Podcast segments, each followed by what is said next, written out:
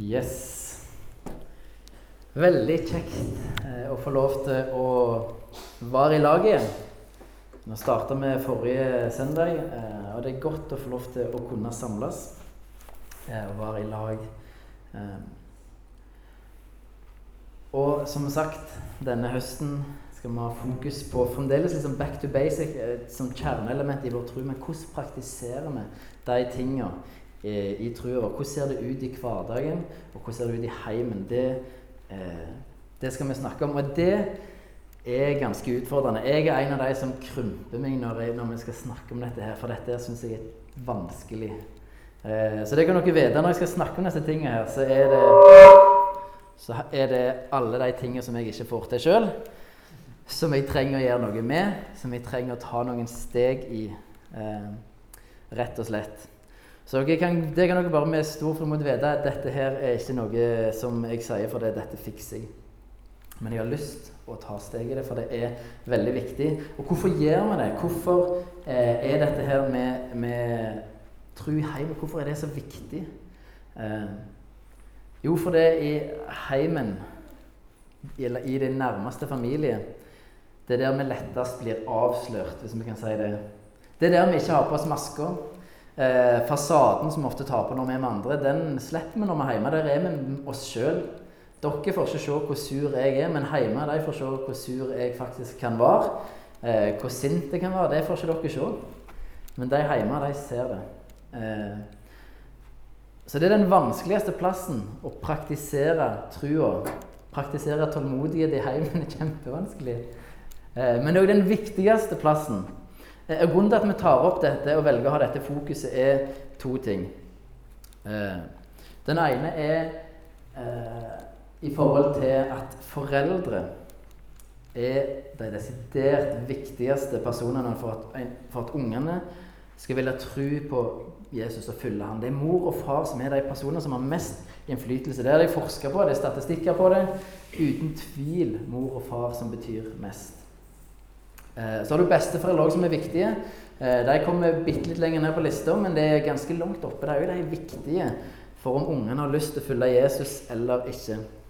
Mens menighet, pastor, sånne ting kommer ganske et stykke ned på lista. Eh, det er ikke det viktigste. Det betyr noe, men foreldre er de som er viktigst for om ungen har lyst å velge å følge Jesus eller ikke. Derfor er heimen så enormt viktig. Derfor har vi lyst til å ha fokus på det. Eh, hvordan, kan vi gjøre dette? Jeg kommer også til å ha fokus på dette i hverdagsgruppene.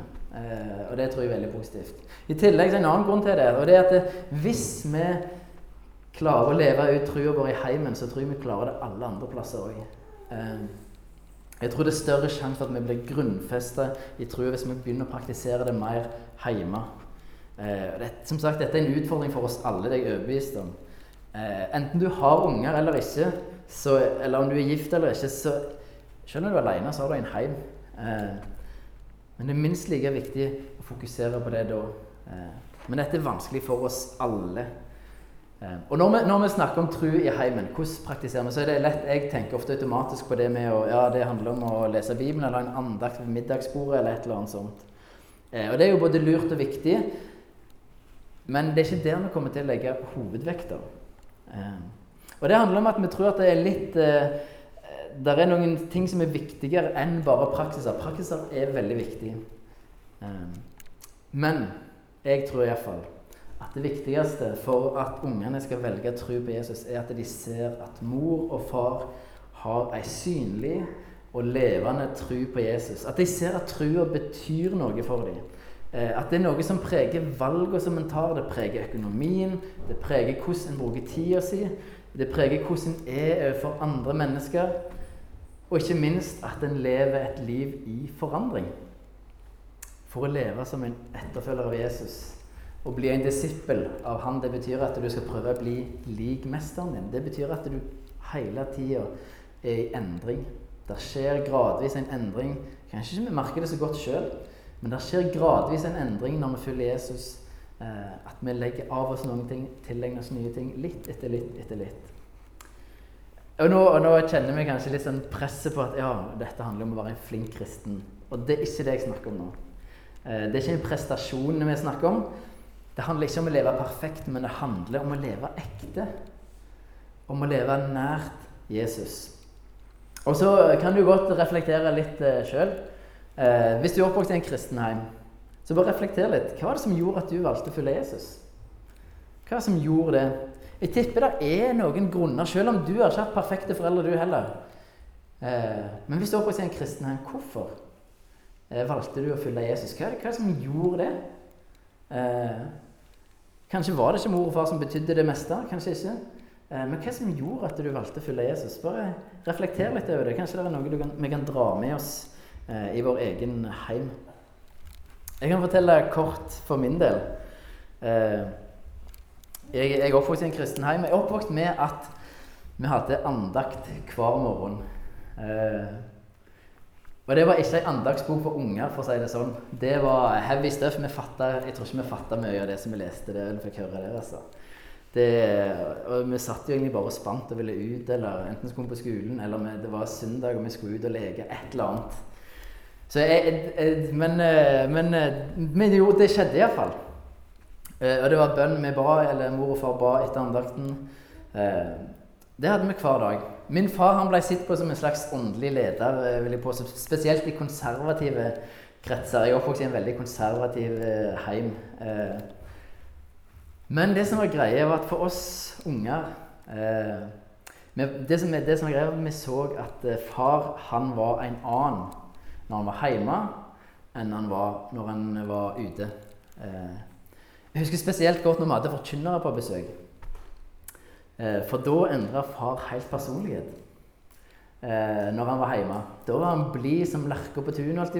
Og, og, ting var Han kunne tulle og tøyse. Eh, mens ellers var det ikke sånn i det hele tatt. Eh, da kunne han være ganske sur og sint sånn jevnt over.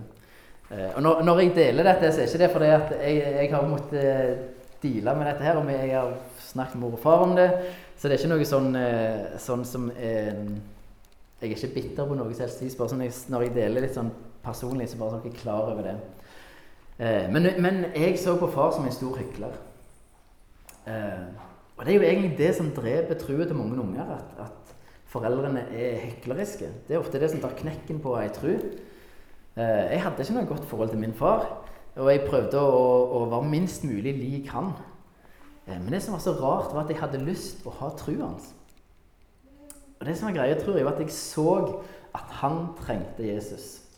Eh, når han ba etter andakten, så, så var det ofte at tårene trilla. Eh, og nesten hver søndag så satt han seg ned etter frokost med Bibelen eller, og gitaren og bare sang til Gud. Eh, og eh, jeg tenkte ikke over det der og da, men, men, det er et eller annet som fortalte meg at dette er viktig for far. Dette betyr noe. Selv om han ikke endra seg sånn vi kanskje skulle håpet eller tenkt så så jeg at dette var viktig for han. Eh, og jeg så at han var glad i Jesus. Han trengte Jesus.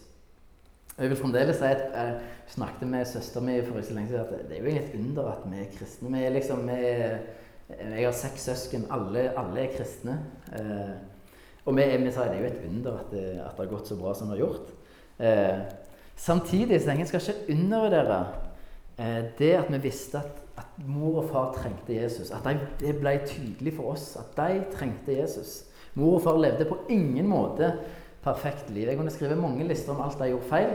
Eh, men de trengte Jesus, og det så vi at de var tydelige på. At eh, de trengte Jesus, og de ville at vi ungene skulle bli kjent med Jesus. Det var viktig for dem. Mor hadde søndagsskole. Eh, for oss ungene og de rundt i nabolaget. Eh, det var viktig for dem. Så på tross av deres uperfekthet, alle de feilene de gjorde, alt dette eh, så er det tydelig at vi så et eller annet. Det var noe der. Og vi skal ikke undervurdere det, det forbildet som de var, på tross av alt det.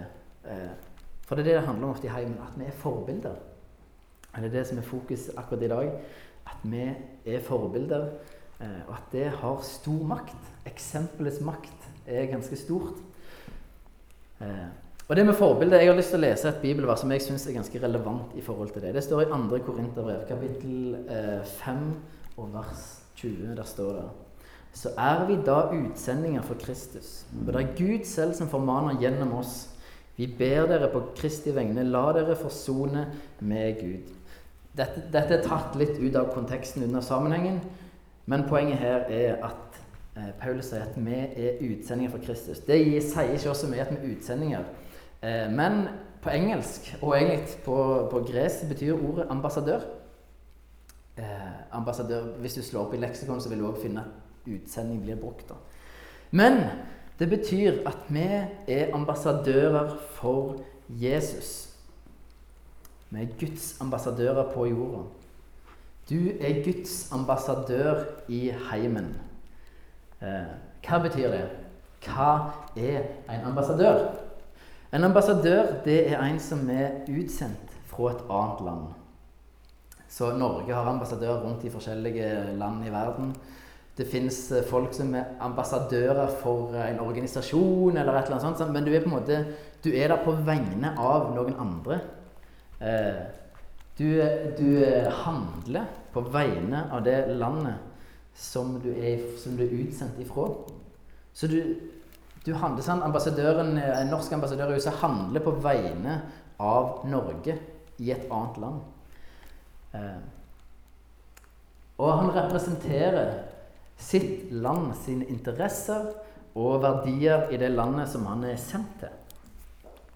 Og han er under autoriteten til styresmaktene i landet som han representerer. Så Den norske ambassaden i USA Det er ikke sånn at han eller hun som sitter der, styrer seg sjøl. Hva skal vi gjøre i dag? Men de, de skal representere interessene til styresmaktene. De, de de, det er styresmaktene i Norge som bestemmer eh, hva de skal gjøre, eh, osv. Og vi skal representere Gud og Guds rike i heimen. Det høres jo veldig svevende ut, men det er faktisk det vi er kalt det. Eh, hvordan gjør vi det? Hvordan ser det ut? Eh, og som sagt, det handler ikke om at vi skal leve perfekt. Det gjør det ikke.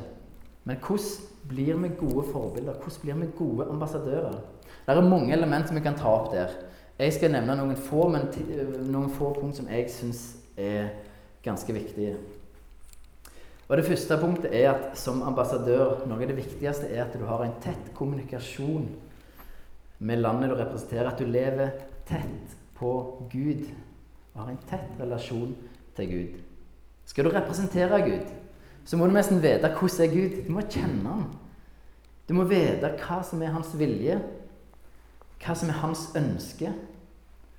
Og det vil jeg igjen presisere, det tror jeg er noe av det viktigste vi gjør overfor ungene våre. Eh, for til nærmere vi lever Gud, til mer vil vi bli preget av Han. Av oss, altså det vil skje hvis vi lever nært Gud. Det er jeg hellig overbevist om. At hvis vi lever nært Gud, så vil vi bli påvirka. For du blir forandra av de vennene du er rundt. Vi blir påvirka av det miljøet vi vanker i. Eh, til tettere vi lever på Gud, til mer vil vi bli prega av det. Til mer vil vi forstå hva som er hans vilje. Eh, hva han ber oss om, eh, konkret kan tale inn i livet vårt. Og Det er egentlig nøkkelen til alt i trua vår, tror jeg. Å leve tett på Gud. Eh, han er livets kilde. Han er trua sin opphavsmann og fullender. Så det å leve tett på Gud, det er så viktig. Vi kommer til å snakke mer om det senere i høst, kanskje hvordan konkret vi gjør det. Men akkurat nå vil jeg bare si at bare sånn, tenk litt igjennom. Ja, hvordan er din relasjon med Gud? Hvor tett er din relasjon med Gud, kommunikasjon med Gud? Eh, hva plass får han i livet ditt? Eh, bare tenk litt. Og det, det, kan være litt sånn abstrakt å finne ut. Så bare jeg, jeg, jeg er litt sånn jeg, jeg, må ha ting litt som jeg tenker meg ofte en sånn glideskala. Null til ti. Hvor er jeg hen? Ti, da er du mest i himmelen. Eh, null, da er du ikke i himmelen. Da er du langt vekke. Så bare, bare tenk litt. Hvis det hjelper deg, bare tenk litt. Hvor er du med Gud? Hvor tett lever du på ham? Eh, ikke, for å, ikke for å framkalle dårlig samvittighet, det er ikke poenget. Bare sånn en realitetssjekk. Ja, hvor er jeg cirka? Eh, for Gud har ikke tenkt å fordømme dem. Det er, det er ikke hans business. Eh, det er det en annen som tar seg av. Men, så det er ikke Guds poeng, men bare realitetsorientering. Sånn, hvor, hvor, er jeg med Gud? Hvor tett lever jeg på Gud? Hvordan er relasjonen med Gud? Kommunikasjon osv. Et annet punkt som jeg tenker er viktig når en er en ambassadør, Eh, og som et forbilde Det er ikke bare god kommunikasjon, men òg at du rett og slett handler på det du blir fortalt. Rett og slett lydighet. Handling. Og når vi hører ordet lydighet, eh, så, så, tenker vi ofte Eller da krymper vi oss. Lydighet klinger ikke bra. Det høres ut som noe veldig negativt, noe veldig dumt. Eh, men hvis, eh, hvis vi bare tenker ut av, litt ut av vår boks Tenk i relasjon til en nær venn eller ektefelle. noe sånt. Eh, og en ektefelle som du, den du kanskje lever tettest på, ber deg om noe. Bare tenk på responsen i forhold til det heller. Eh, for da, er det kjærlighet inne i bildet, det er omsorg inne i bildet. Eh, det er ikke alltid du har lyst eh, og om ektefellen ber deg om å støvsuge eller vaske bilen, eller hva, det er ikke alltid du har lyst. Men, men, du gjør det ikke bare av plikt. Du gjør det for det er en annen motivasjon. Det er en motivasjon som heter kjærlighet inni bildet. Så bare tenk lydighet inn i den konteksten der, for det, det er ganske viktig når vi snakker om dette her. Eh, men lydighet eh, er viktig.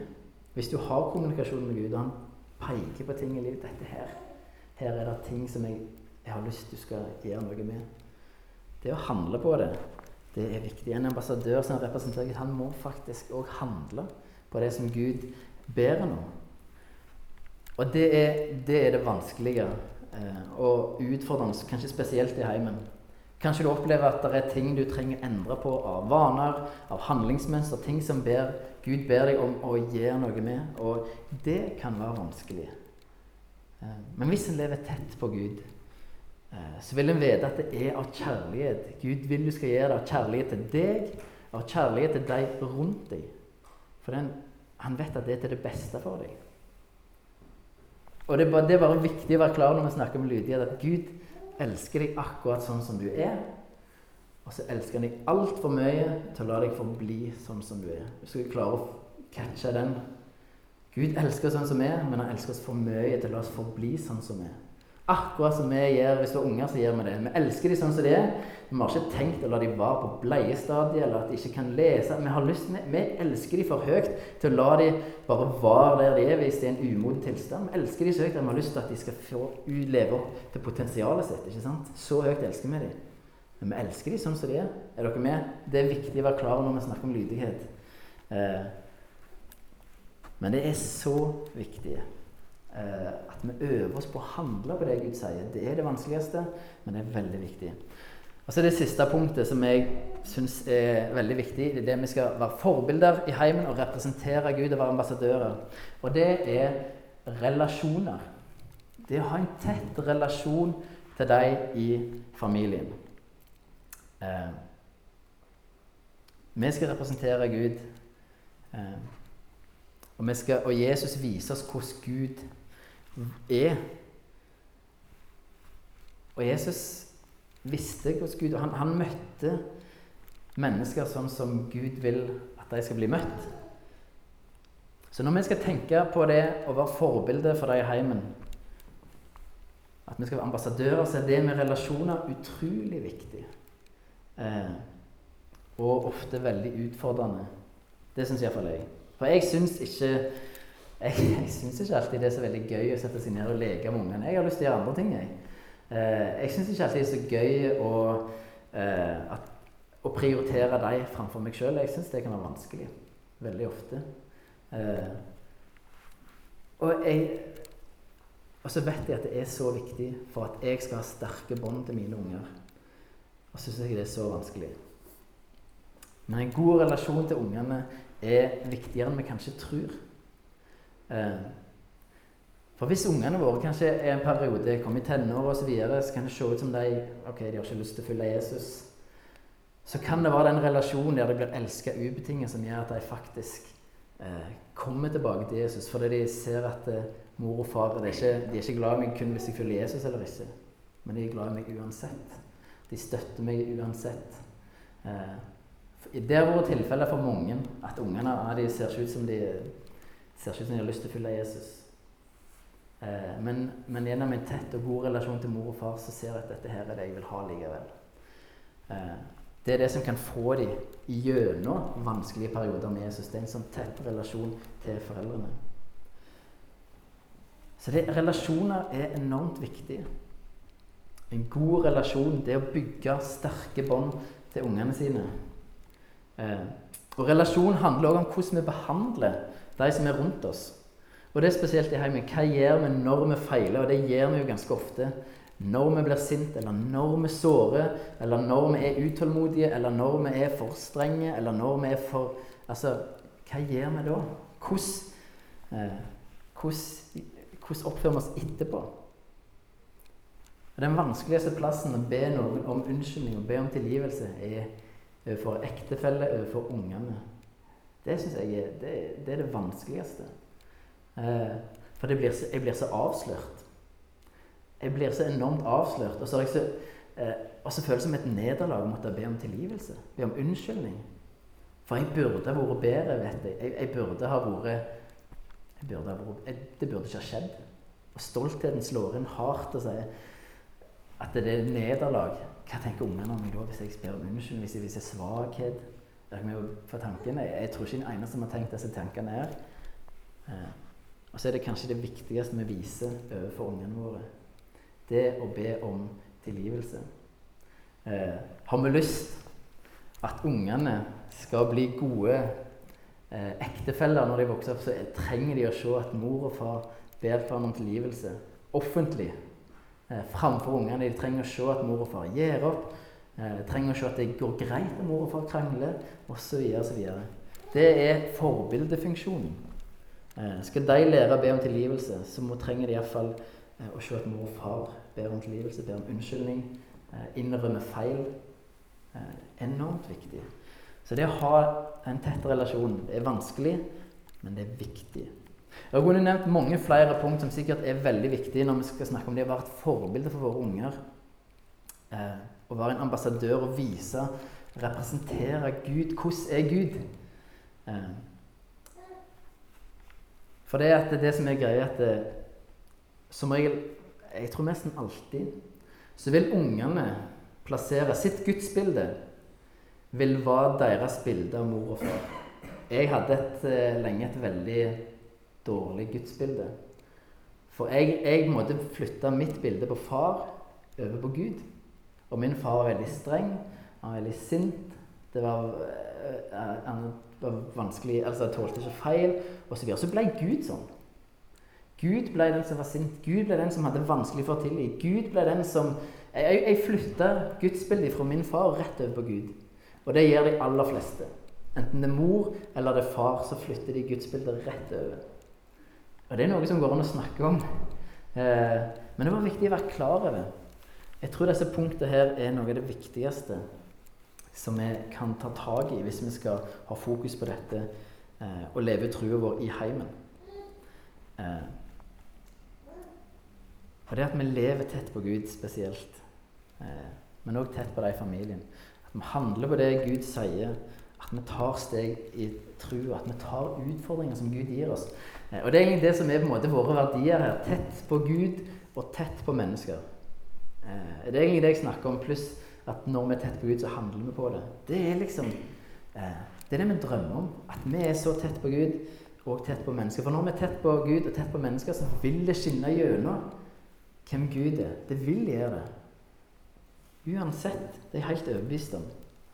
For Gud, det er så stor kraft i Gud og hans nærvær. Ungene trenger å se de trenger å se Gud gjennom oss, og de kan se Gud gjennom oss. Og se hvordan Gud forandrer våre liv. Det er fullt mulig at de ser det. De ser som regel sannsynligvis mer enn vi tenker. Eh. Så er det noe helt til slutt, en siste ting som er bare enormt viktig å være klar over når vi snakker om det med forbilde, det med å være en representant for Gud, og det med tro i heimen.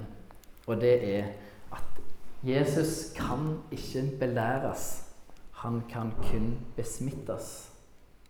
Jeg kan ikke lære ungene mine til å elske Jesus. Det kan jeg ikke.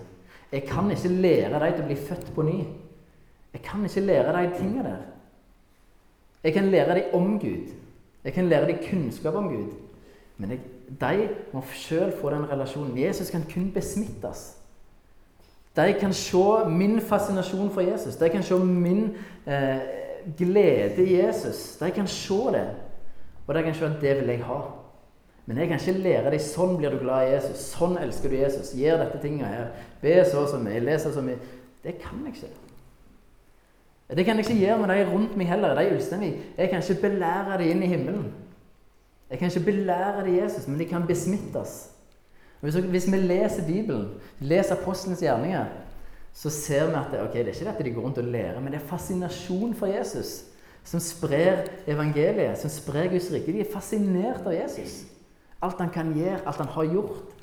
Hans storhet og makt og hans nåde og kjærlighet. Det er fascinasjon som sprer Jesus. Ikke kunnskap, selv om kunnskap er viktig. Vi gjør lurt i å lære ungene våre om Jesus. Det skal vi ikke slutte med. Vi skal gi dem masse kunnskap. Vi må ikke tro at det er det som er greia. Det er kjennskap. De trenger, kjennskap. de trenger å kjenne Gud på et personlig nivå. De må ha en relasjon. Så Jesus kan bare besmittes. Han kan ikke belæres. Derfor trenger vi å leve så tett på Gud. Vi trenger å glede oss i Gud. Vi trenger å nyte Gud, fryde oss over den relasjonen som vi har med Gud. Være begeistra for alt Gud har gjort for oss. Handle på det han sier til oss. Eh, for når vi har en sånn relasjon til Gud, eh, en kjærlighetsrelasjon, så tror jeg, jeg tror det er vanskelig for de rundt oss å ikke bli smitta. Eh, det tror jeg. Så jeg, jeg, gir, jeg, gir, ikke noen sånn veldig sånn praktiske ting. Dette er fem steg for å bli flink på tro i heimen. Nei, dette er ikke noe sånn veldig sånn konkrete. Men dette handler om de store tingene. Lev tett på Gud. Eh, ha tett kommunikasjon. Man handler på det han sier, og ha fokus på relasjoner i familien. Og som sagt, det, her har jeg mange, vei, mange, steg å gå. Men jeg, jeg trenger å gå dem. Så, så, helt til slutt nå så vil jeg bare at du skal måtte tenke litt sjøl. Eh, og jeg vil du skal tenke på bare sånn, hvordan er din relasjon til Gud. Hvor, hvor, tett lever du på ham? Og som sagt, Ikke for å fordømme ham, bare sånn Hvor er han? Eh, og, og hvor, hvor, vil jeg han egentlig? Hvordan skulle jeg det var? Og hva, hva gjør jeg for å komme altså, bare, bare tenk litt. Ikke for, Gud er ikke ute til å fordømme deg. Eh, på ingen måte. Men han, han, har lyst til å kjenne deg enda bedre. Han har lyst til å være tettere på deg. Eh, og jeg tror du har lyst til å være tettere på ham. Men bare tenk hvor, hvor er du henne? Bare sånn reflekter. Eh, og så vil jeg at du skal tenke på en ting eller et område som Gud i sin kjærlighet ønsker å forandre i ditt liv eller i din væremåte i heimen. Det var litt sånn klumsete formulert. Jeg klarte ikke å formulere det bedre. Det må jeg bare beklage. Men jeg tror jeg forstår hva jeg mener. Bare tenk på en ting eller et område eh, som Gud i sin kjærlighet ønsker å forandre i ditt liv eller i væremåte i heimen. Er det konkrete handlingsmønster som du vet at dette er ikke så bra? Eh, er det spesielle ting som, som du opplever at Gud peker på? Ofte Gud, bruker Gud ungene for å peke på sånne ting. Bare som det jeg har sagt. Gud kan ofte snakke inn ungene. Eh, men, men, men, hva er det for noe? Er det at du bruker for lite tid med dem? Altså, er, det, er det noe? Så, så bare, bare, tenk på den tingen. Og når du har på en måte funnet det ut litt, så tenk eh, Hva er det neste steget eh, for å la den forandringen skje? Og da tenker jeg ett steg. Det er lett å tenke ja, jeg skulle ønske jeg var sånn. Akkurat sånn perfekt. Jeg var aldri sint uten at det var helt nødvendig. Alltid tålmodig. Skulle ønske jeg alltid altså, satt alltid med Bibelen åpen. eller et eller annet. Altså, det er lett å bare tenke at sånn er drømmen. Og så er det sånn, hvis du begynner der skal liksom begynne, ja, nå skal jeg bli sånn, så skal jeg garantere deg på onsdag så har du gitt opp. Eh, men tenk det neste steget. Én ting som du begynner med, som er overkommelig. Hva er det for noe? Er den ene tingen som du tror at her kan det være lurt å begynne? Eh, å begynne med noe som er overkommelig. Så bare tenk litt. Tenk litt. Hva tror du eh, at Gud først og fremst den ene tingen som han vil du skal gjøre noe med? Eh, jeg har lyst til at vi skal be litt til slutt. Eh, og jeg, jeg, dette her er, syns jeg dette her er utfordrende. Eh, Men eh, jeg vil at eh, hvis, hvis du Hvis eller bare lukker øynene Hvis noen har lyst konkret at ja, be for meg, dette trenger hjelp til. Eh, og hvis ingen rekker opp hånden, så kan dere i hvert fall be for meg. Eh, for jeg trenger hjelp.